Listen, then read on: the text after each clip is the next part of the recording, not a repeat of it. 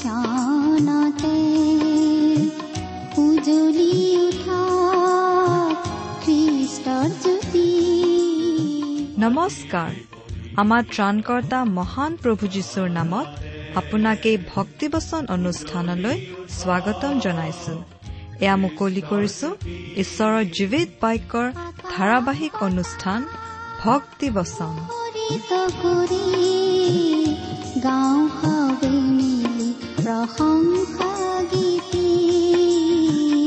গাঁও হাৱে মিলি প্ৰশংসা গীতি আজিৰে পবিত্ৰ ক্ষণতে উজলি উঠা খ্ৰীষ্টৰ জ্যোতি আপোনাৰ জীৱনত যদি শান্তি পাব বিচাৰে তেন্তে এয়া ঈশ্বৰৰ বাক্যৰ সান্তনা বাক্য ভক্তি বচন।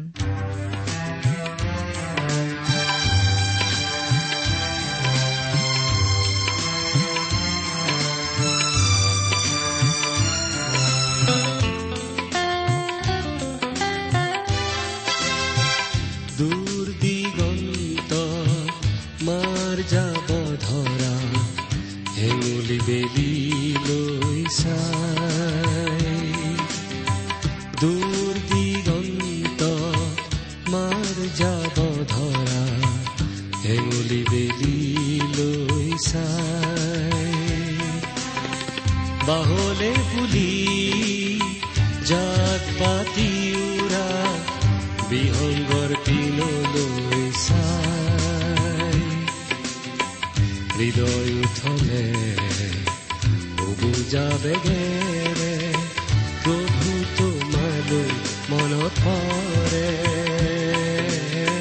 প্ৰভু তোমালৈ মনত পৰে আমাৰ মহান ত্ৰাণকৰ্তা প্ৰভু যীশুখ্ৰীষ্টৰ নামত নমস্কাৰ প্ৰিয় শ্ৰোতা। আশা কৰো আপুনি ভালে কুশলে আছে। প্ৰিয় শ্ৰোতা আপুনি বাৰু আমাৰ এই ভক্তিবচন অনুষ্ঠানটো নিয়মিতভাৱে শুনি আছেনে? এই অনুষ্ঠান সম্বন্ধে আপোনাৰ মতামত আদি জনাই আমালৈ চিঠি পত্ৰ লিখিছেনে বাৰু? অনুগ্ৰহ কৰি আজি এই দুখাৰিমান লিখি পঠিয়াবচোন। আমাৰ যোগাযোগৰ ঠিকনা ভক্তিবচন টি ডব্লিউ আৰ ইণ্ডিয়া ডাক বাকচ নম্বৰ সাত শূন্য গুৱাহাটী সাত আঠ এক শূন্য শূন্য এক। ভক্তিবচন T W R India post box number seventy Guwahati seven eight one zero' zero' one. আমাৰ website W W W dot radio' eight eight two dot com আহকচোন আজিৰ বাইবেল অধ্যয়ন আৰম্ভ কৰাৰ আগতে খন্তেক প্ৰাৰ্থনাত মূৰ দুৱাওঁ। আমি প্ৰাৰ্থনা কৰো। স্বৰ্গত থকা অসীম দয়ালু কৰুণাময় পিতা তোমাৰ তুলনা নাই তোমাৰ প্ৰেম তোমাৰ কৰুণা তোমাৰ অনুগ্ৰহৰ কথা আমি বৰ্ণনা কৰি শেষ কৰিব নোৱাৰো। প্ৰভু যীশুৰ যোগেদি তুমি আমালৈ যি অনুগ্ৰহ দেখুৱালা তাৰ বাবে তোমাক অশেষ ধন্যবাদ পিতা। এতিয়া আমি তোমাৰ মহান বাক্য বাইবেল শাস্ত্ৰ অধ্যয়ন কৰিবলৈ আগবাঢ়িছো। তোমাৰ বাক্য তুমিয়েই আমাক বুজাই দিয়া। এই অনুষ্ঠানৰ আৰম্ভণিৰ পৰা শেষলৈকে তুমিয়েই আমাৰ চলাওঁতা হোৱা। অনুষ্ঠান শুনি থকা প্ৰতিজন শ্ৰোতাৰ জীৱনত তোমাৰ মহান অনুগ্ৰহৰ আশীৰ্বাদ প্ৰকাশ পাই উঠিবলৈ দিয়া। কিয়নো এই প্ৰাৰ্থনা আমাৰ মহান ত্ৰাণকৰ্তা প্ৰভু যীশুখ্ৰীষ্টৰ নামত আগবঢ়াইছো।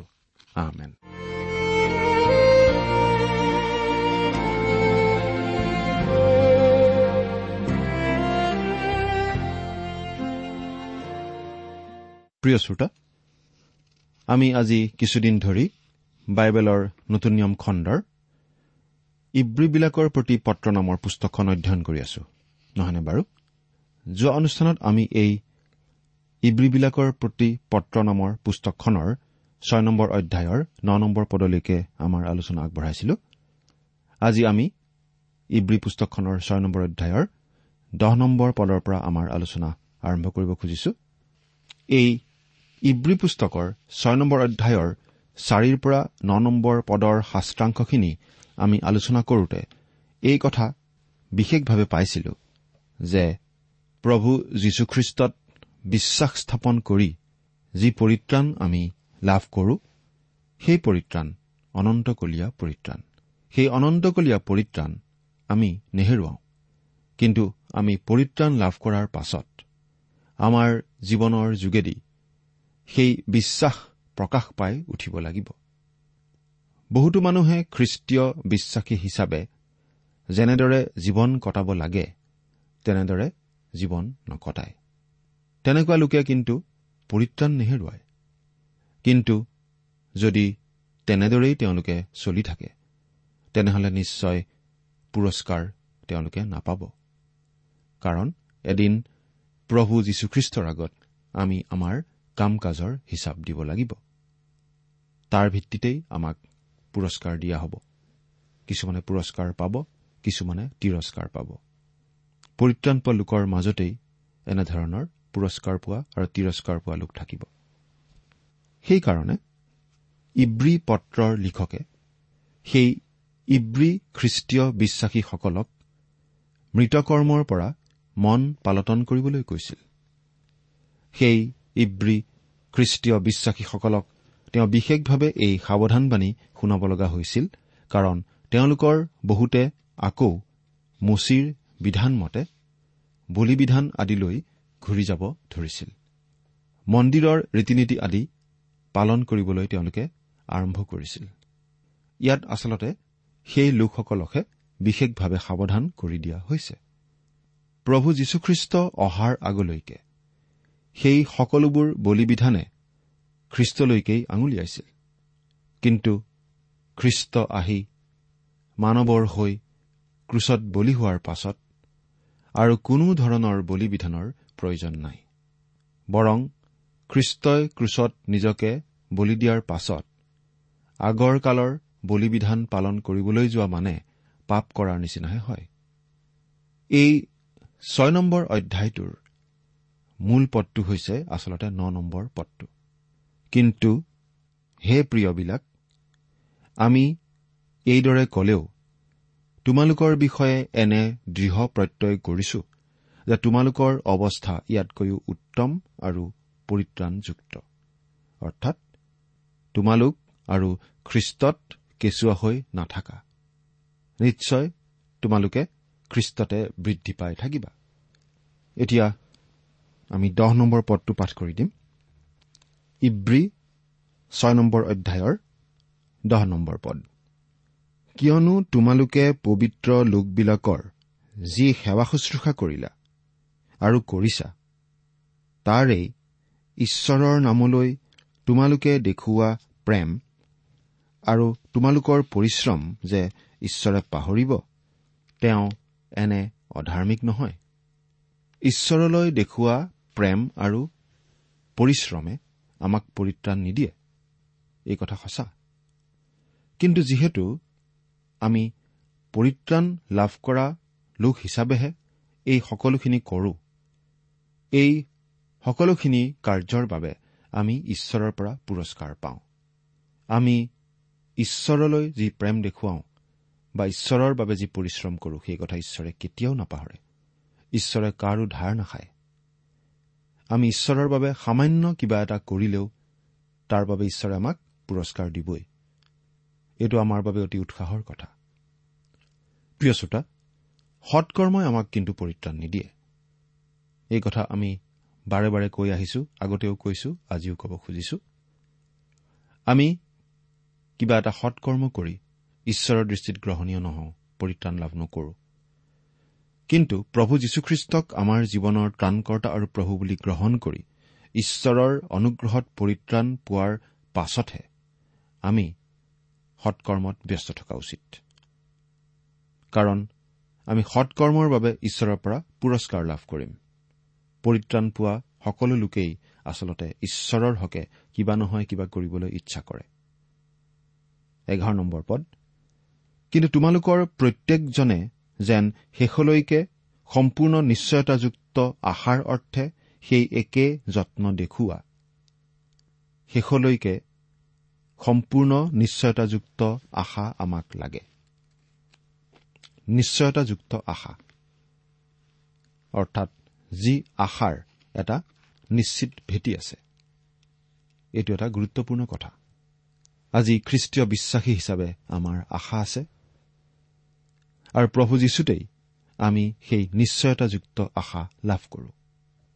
এতিয়া বাৰ নম্বৰ পদটো চাওঁচোন ইয়াত এনেদৰে লিখা আছে আৰু এলেহুৱা নহৈ যি মানুহ বিশ্বাস আৰু চিৰসহিষ্ণুতাৰ দ্বাৰাই প্ৰতিজ্ঞাবোৰৰ উত্তৰাধিকাৰী হ'ল সেই মানুহৰ অনুকাৰী হোৱা। এই আমাৰ মনোবাঞ্ছা। ঈশ্বৰে আমালৈ বহুতো প্ৰতিজ্ঞা কৰিছে।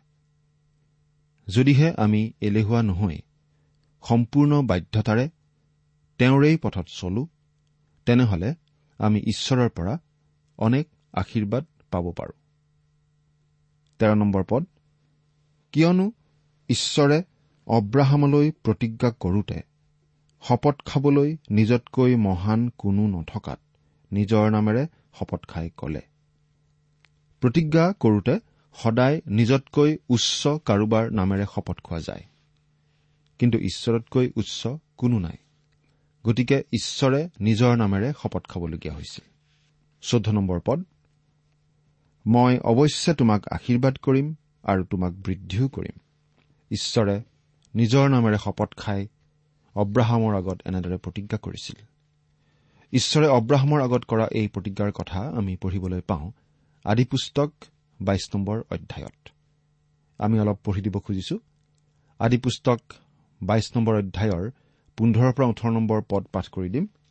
ইয়াত আমি এনেদৰে পঢ়িবলৈ পাওঁ পাছে ঈশ্বৰৰ দূতে আকাশৰ পৰা দুনাই মাত লগাই অব্ৰাহামক কলে জিহুৱাই কৈছে মই নিজ নামেৰে শপত কৰি কৈছো তুমি এই কাৰ্য কৰা হেতুকে তোমাৰ পুত্ৰ তোমাৰ একেটি পুত্ৰকে মোক দিবলৈ অসন্মত নোহোৱা হেতুকে মই নিশ্চয় তোমাক আশীৰ্বাদ কৰি আকাশৰ তৰাবোৰৰ আৰু সাগৰৰ তীৰত থকা বালিৰ দৰে তোমাৰ বংশ অতিশয়ৰূপে বঢ়াম আৰু তোমাৰ বংশই নিজ শত্ৰুবিলাকৰ নগৰবোৰৰ দুৱাৰ অধিকাৰ কৰিব।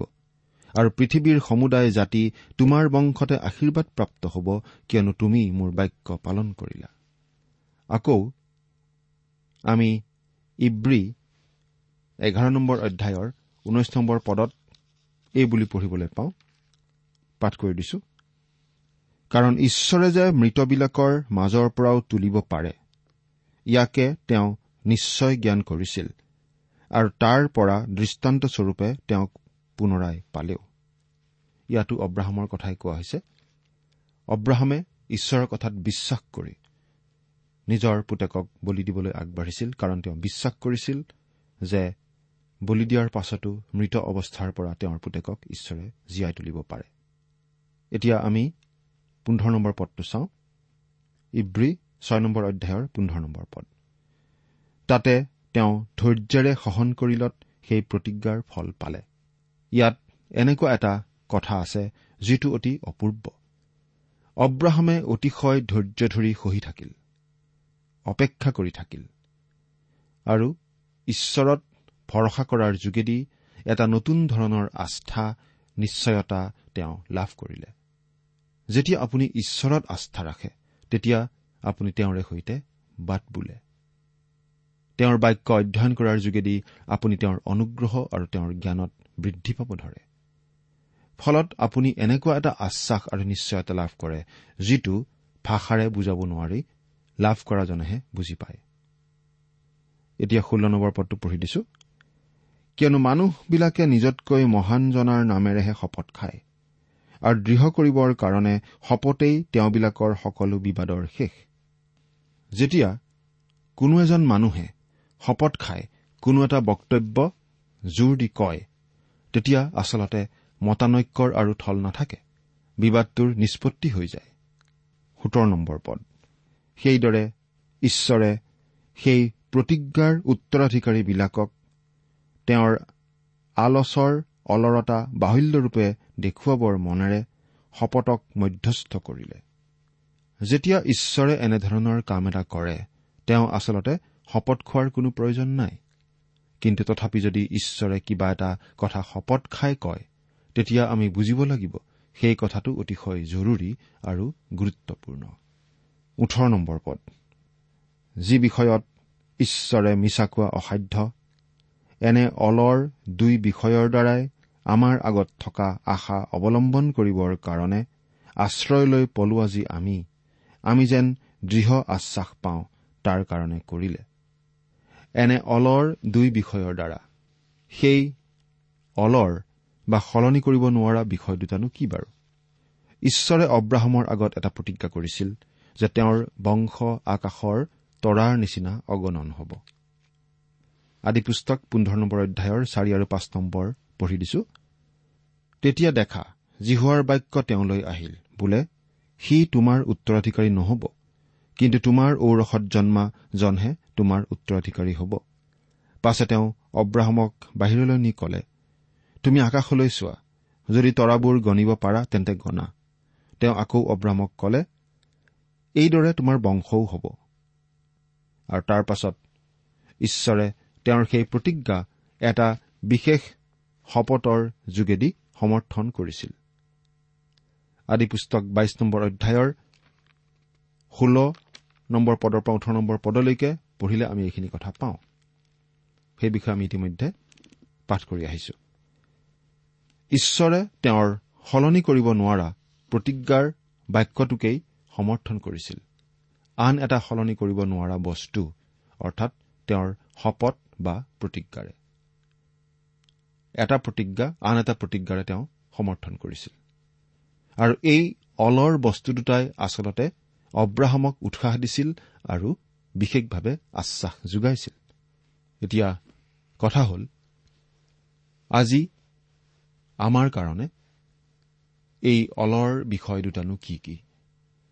অব্ৰাহামৰ আগত কৰা প্ৰতিজ্ঞাটোতো আমাৰ বাবে আছেই। উৎসাহ উদগনিৰ বাবে। কিন্তু আমাৰ বাবে আজি আছে তাতোকৈ বহুগুণে বেছি চহকী প্ৰকাশ।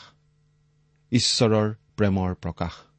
অৰ্থাৎ তেওঁৰ পুত্ৰ যীশুখ্ৰীষ্টৰ যোগেদি তেওঁ আমালৈ আগবঢ়োৱা মহান দান। প্ৰথমতেই আমি এই কথা মনত পেলাওঁ খ্ৰীষ্ট যে ক্ৰুচত আমাৰ বাবে মৰিল আৰু মৃত্যুৰ পৰা পুনৰ্থিত হ'ল সেইটো এটা কথা। আৰু দ্বিতীয়তে তেওঁ যে স্বৰ্গলৈ গ'ল আৰু এতিয়া আমাৰ বাবে মহাপুৰোহিতৰ কাম কৰি আমাৰ বাবে প্ৰাৰ্থনা আগবঢ়াই আছে এই দুটাই হৈছে আজি আমাৰ সন্মুখত থকা দুটা অলৰ বিষয়। আমাৰ বিশ্বাস আশা উদ্দীপনা উদগনিৰ এই দুটাই হৈছে অলৰ ভেটি। আৰু এই চাৰিটা অতি গৌৰৱময় সত্যই আমাক বিশেষ আশ্বাস আৰু নিশ্চয়তা দিয়ে আৰু আমি খোপনি ল'ব পৰা এটা বিশেষ স্থলী দিয়ে।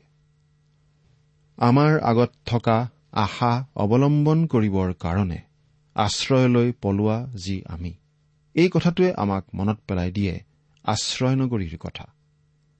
যি নগৰীৰ ব্যৱস্থা ঈশ্বৰে কৰিছিল ইছৰাইলীয়া লোকসকলৰ বাবে। সেই আশ্ৰয় নগৰীবিলাকে আচলতে ভৱিষ্যতে আহিবলগীয়া আমাৰ প্ৰভু যীশুখ্ৰীষ্টলৈকেই আঙুলিয়াই দেখুৱাইছিল। সেই আশ্ৰয় নগৰীবোৰত আশ্ৰয় লৈ মানুহে যেনেকৈ মৃত্যুৰ পৰা ৰক্ষা পাইছিল তেনেকৈ খ্ৰীষ্টইও আশ্ৰয় আৰু নিৰাপত্তা দিয়ে আমাৰ দৰে পাপী মানুহক। সেই আশ্ৰয় নগৰী আচলতে দুৰ্ঘটনাবশতঃ কোনো মানুহৰ হাতত কাৰোবাৰ মৃত্যু হলে সেই মানুহজন আনৰ হাতত যাতে মৰা পৰিব নালাগে সেইবাবে সেই মানুহজন পলাই সাৰিবৰ বাবে এটা অভিনৱ ব্যৱস্থা আছিল। তেনেদৰে দুৰ্ঘটনাবশতঃ মৃত্যু হোৱা মানুহজনৰ কোনোবা খঙাল ভাই ককাই থাকিবও পাৰে আৰু সেই মানুহজনৰ ওপৰত প্ৰতিশোধ ল'বলৈ বিচাৰিব পাৰে। গতিকে সেই মানুহজনে সেই আশ্ৰয় নগৰলৈ পলাই গৈ তাতেই থাকিব লাগিছিল। তেওঁৰ বিচাৰ নোহোৱা পৰ্যন্ত। তেনে কৰিলে তেওঁ মৃত্যুৰ পৰা ৰক্ষা পৰিব পাৰিছিল। যদিহে তেওঁ ইচ্ছা কৰি নৰবধ কৰা নাছিল বুলি প্ৰমাণিত হৈছিল তেতিয়াহ'লে সেই মানুহজন সেই আশ্ৰয় নগৰীতেই থাকিব লাগিছিল মহাপুৰোহিতৰ মৃত্যু নোহোৱা পৰ্যন্ত। গণনা পুস্তক পঁয়ত্ৰিশ নম্বৰ অধ্যায় দ্বিতীয় বিৱৰণ ঊনৈশ নম্বৰ অধ্যায় আৰু যীহুচোৱা বিশ আৰু একৈশ নম্বৰ অধ্যায়ত আমি এই কথাবিলাক পাওঁ। গণনা পুস্তক পঁয়ত্ৰিশ নম্বৰ অধ্যায় দ্বিতীয় বিৱৰণ ঊনৈশ নম্বৰ অধ্যায় আৰু যীহুচোৱা বিশ আৰু একৈশ নম্বৰ অধ্যায়ত এই কথাবিলাক আপোনালোকে পঢ়ি ল'ব পাৰে। এতিয়া ইয়াত আমাৰ বাবে আজি কি যে এটা সুন্দৰ বৰ্ণনা আছে ভাবি চাওকচোন। ইয়াত এই কথাটো প্ৰকাশ কৰা হৈছে যে খ্ৰীষ্টই হৈছে আমাৰ আশ্ৰয় নগৰী। প্ৰিয় শ্ৰোতা আচলতে আমাৰ সকলোকে বিচাৰ সভাত উপস্থিত কৰোৱা হ'ল আৰু বিচাৰত আমাক দোষী পোৱা গ'ল। সেইবাবে আমাক সকলোকে পাপী বুলি ঘোষণা কৰা হ'ল আৰু সেই দুখৰ শাস্তি ঘোষণা কৰা হ'ল আৰু সেই শাস্তি হৈছে মৃত্যু। আৰু শাস্তি দিয়া কাৰ্যটো অৰ্থাৎ মৃত্যুদণ্ড দিয়া কাৰ্যটো ইতিমধ্যে হৈ গ'ল। মোৰ হৈ মোৰ সেই প্ৰাপ্য শাস্তি খ্ৰীষ্টই ললে। যিহেতু খ্ৰীষ্ট মোৰ হৈ ক্ৰুচত মৰিল আৰু মোৰ শাস্তি তেওঁ ললে গতিকে মই এতিয়া মুক্ত। মোক পাপৰ শাস্তিৰ পৰা উদ্ধাৰ কৰা হ'ল। তাৰ বাবে মই আৰু কেতিয়াও বিচাৰৰ সন্মুখীন হ'ব নালাগে। এতিয়া মই মুক্ত আৰু মুকলিভাৱে গৈ তেওঁৰ সেৱা কৰিব পাৰো। এতিয়া মোৰ এজনা মহাপুৰোহিত আছে। পুনৰুত্থিত প্ৰভু যীশুৱেই সেই মহাপুৰোহিত যিজনাৰ গুৰিলৈ মই যাব পাৰো। মোৰ ত্ৰাণকৰ্তা সেই প্ৰভু যীশুৰ কেনে সুন্দৰ ছবি এখন আমি ইয়াত পাইছো ভাবি চাওকচোন। পাচনি পৌলে কৰিণ্ঠত থকা খ্ৰীষ্টীয় বিশ্বাসীসকললৈ এই বুলি লিখিছিল প্ৰথম কৰিন্ঠিয়া দহ অধ্যায় এঘাৰ পদ। তেওঁবিলাকলৈ আৰ্হিস্বৰূপে এইবোৰ ঘটিছিল আৰু শেষ যুগৰ মানুহ যি আমি আমাক চেতনা দিবলৈ লিখা আছে। আৰ্হিবিলাক হৈছে এখন আগতীয়া ছবি বা প্ৰতীকস্বৰূপ আৰু মলকিছেদক আছিল খ্ৰীষ্টৰ এটা আগতীয়া উদাহৰণৰ নিচিনা। লাখ লাখ নিযুত নিযুত কথা লিপিবদ্ধ কৰি ৰাখিব পৰা গ'লহেঁতেন কিন্তু মাত্ৰ সেই কথাবোৰহে ঈশ্বৰৰ আত্মাৰ দ্বাৰাই লিপিবদ্ধ কৰি ৰাখিবলৈ ঈশ্বৰে বাছি ললে কাৰণ সেইসমূহে আমাক সহায় কৰে তেওঁক অধিককৈ বুজি পাবলৈ আৰু তেওঁৰ সৈতে আমাৰ প্ৰকৃততে সম্বন্ধ কেনে সেইটো উপলব্ধি কৰিবলৈ। এতিয়া ঊনৈশ আৰু বিশ নম্বৰ পদ দুটা পঢ়ি দিম। আমি পোৱা সেই আশা আত্মাৰ লংগৰ স্বৰূপ। সেয়ে নিশ্চয় দৃঢ় আৰু আঁৰ কাপোৰৰ ভিতৰ ফাললৈকে সুমোৱা। সেই ঠাইত যীশু অগ্ৰগামী হৈ মলকি চেদকৰ ৰীতি অনুসাৰে নিত্য মহাপুৰোহিত হৈ আমাৰ নিমিত্তে সোমাল। খ্ৰীষ্ট যেতিয়া মৃত্যুৰ পৰা পুনৰুত্থিত হৈ স্বৰ্গলৈ উভতি গ'ল তেতিয়া তেওঁ গৈ আমাৰ বাবে মহাপুৰোহিতৰ বাব ললে। আঁৰ কাপোৰৰ ভিতৰ ফাললৈকে সোমোৱা। আমাৰ মহাপুৰোহিত হিচাপে খ্ৰীষ্টই স্বৰ্গৰ মন্দিৰৰ ভিতৰলৈ সোমাল। আচলতে সেই স্বৰ্গত থকা মন্দিৰৰ অনুকৰণ হিচাপেহে পৃথিৱীত ঈশ্বৰৰ নিয়ম তম্বু নিৰ্মাণ কৰা হৈছিল। ইব্ৰী আঠ নম্বৰ অধ্যায়ৰ পাঁচ নম্বৰ পদ পঢ়িলে এই কথা আমি বুজি পাওঁ।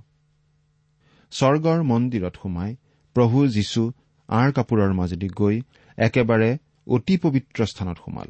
একেবাৰে ঈশ্বৰৰ উপস্থিতিলৈ গ'ল আৰু তাতে নৈবেদ্য হিচাপে আগবঢ়ালে তেওঁৰ নিজৰ তেজ। আৰু তাৰ পাছত তেওঁ কি কৰিলে? তেওঁ সৰ্বোপৰি ঈশ্বৰ মহামহিমজনাৰ সোঁহাতে বহিল। এইখিনিতে আমি এটা বিশেষ কথা ক'ব খুজিছো সন্মানপূৰ্বকভাৱেই। মহাপুৰোহিত হাৰুণ আৰু প্ৰভু যীশুখ্ৰীষ্টৰ মাজত থকা এটা পাৰ্থক্য কি জানেনে প্ৰিয় শ্ৰোতা? হাৰুণে বহিবলৈ পোৱা নাছিল কাৰণ যি নিয়মতম্বুৰ ভিতৰত তেওঁ পৰিচৰ্যা চলাইছিল সেই নিয়মতম্বুত বহিবৰ বাবে কোনো আসন নাছিল কেৱল অনুগ্ৰহৰ সিংহাসন আছিল যিখন সৰ্বোপৰি ঈশ্বৰৰ সিংহাসনৰ প্ৰতীকস্বৰূপ আছিল। হাৰুণে ততাতৈয়াকৈ তম্বুৰ ভিতৰ সোমাই কাম শেষ কৰি ততাতৈয়াকৈ ওলাই আহিছিল। প্ৰয়োজনতকৈ বেছি সময় তেওঁ ভিতৰত কটোৱা নাছিল। কিন্তু আপোনাৰ মোৰ বাবে এজন অতি শ্ৰেষ্ঠ মহাপুৰোহিত আছে। তেওঁ ভিতৰলৈ গ'ল। তেওঁ বহিল কাৰণ তেওঁ আমাৰ পৰিত্ৰাণৰ বাবে কৰিবলগীয়া গোটেইখিনি কাম সমাপ্ত কৰিলে। যীশু অগ্ৰগামী হৈ। যীশু অগ্ৰগামী। মানে আগে আগে যাওঁতা। তাৰমানে তেওঁৰ পিছে পিছে যাবলগীয়া অনেক আছে। আমাৰ আশাৰ লংগৰ স্বৰূপ। অব্ৰাহামে তেওঁৰ দিনত যেনেধৰণৰ উদগনি বাক্য লাভ কৰিছিল তাতকৈ আজি আমাৰ বাবে অধিক উদগনিৰ বাক্য আছে। সেই উদগনিৰ বাক্য কি? সেই উদগনিৰ বাক্য এয়ে যে আমাৰ মহাপুৰোহিত প্ৰভু যীশু আগতেই আমাৰ হৈ সোমাই ঈশ্বৰৰ উপস্থিতিলৈ গ'ল আৰু আজি তেওঁ আমাৰ বাবে নিবেদন কৰি আছে। প্ৰিয় শ্ৰোতা আপুনি বাৰু প্ৰভু যীশুক আপোনাৰ ত্ৰাণকৰ্তা বুলি গ্ৰহণ কৰিছেনে? যদি গ্ৰহণ কৰিছে তেনেহলে আপোনাৰ বাবে যে প্ৰভু যীশুৱে নিত্য পুৰোহিতৰ কাম কৰি আছে সেই কথা বাৰু মনত ৰাখিছেনে? চিন্তা কৰি চাওকচোন ঈশ্বৰে আপোনাক আশীৰ্বাদ কৰক।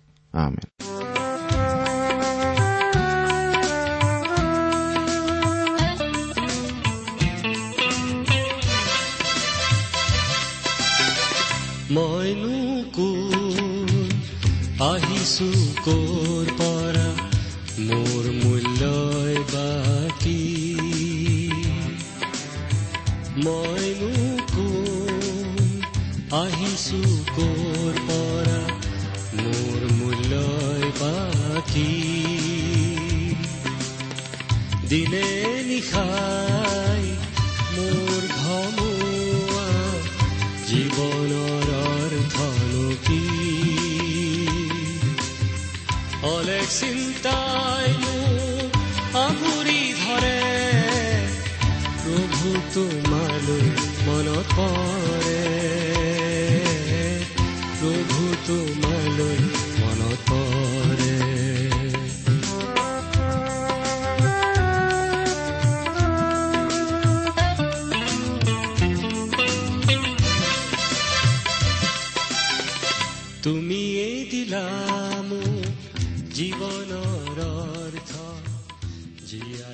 পৰে আপুনি ভক্তিবচন অনুষ্ঠানটি শুনিলে। অনুষ্ঠানটি শুনি কেনে পালে?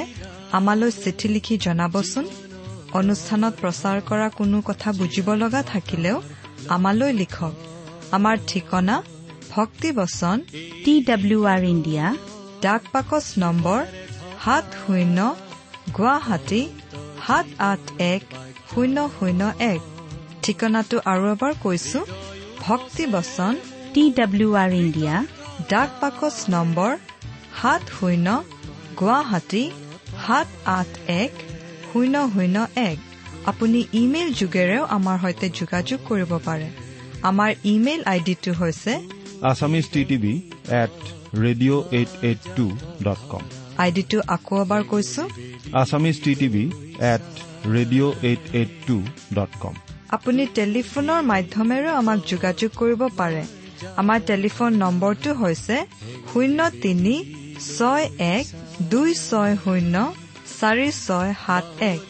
ফোন নম্বৰটো আকৌ এবাৰ কৈছো zero' three six one two six zero' four six seven one.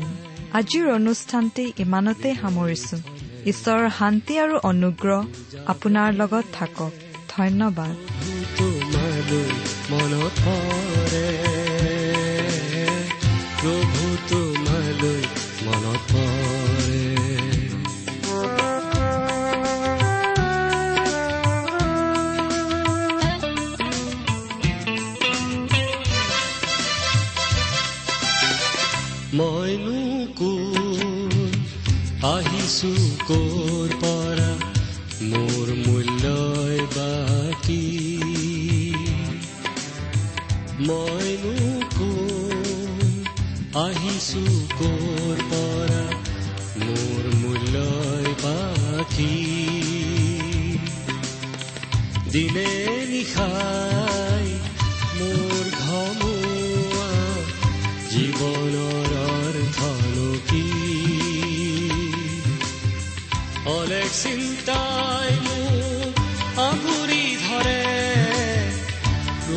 তোমালৈ মনত পৰে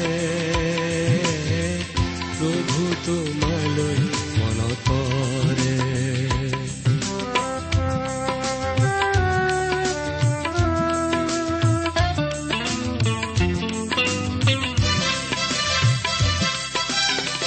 তুমিয়েই দিলা মোক জীৱনৰ অৰ্থ জীয়াই থকাৰ তুমিয়েই দিলা মোক জীৱনৰ অৰ্থ জীয়াই থকাৰ লক্ষ্য। এই জীৱনৰ সিপাৰে থকা অনন্ত জীৱনৰ বাক্য। হৃদয় উপচে মোৰ কৃতজ্ঞতাৰে মনত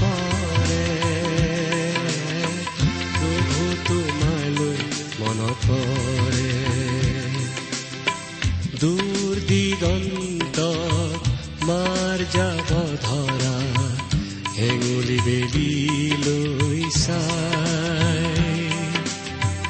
দূৰ দিগন্ত মাৰ যাব ধৰা হেঙুলি বেলি লৈ চাই।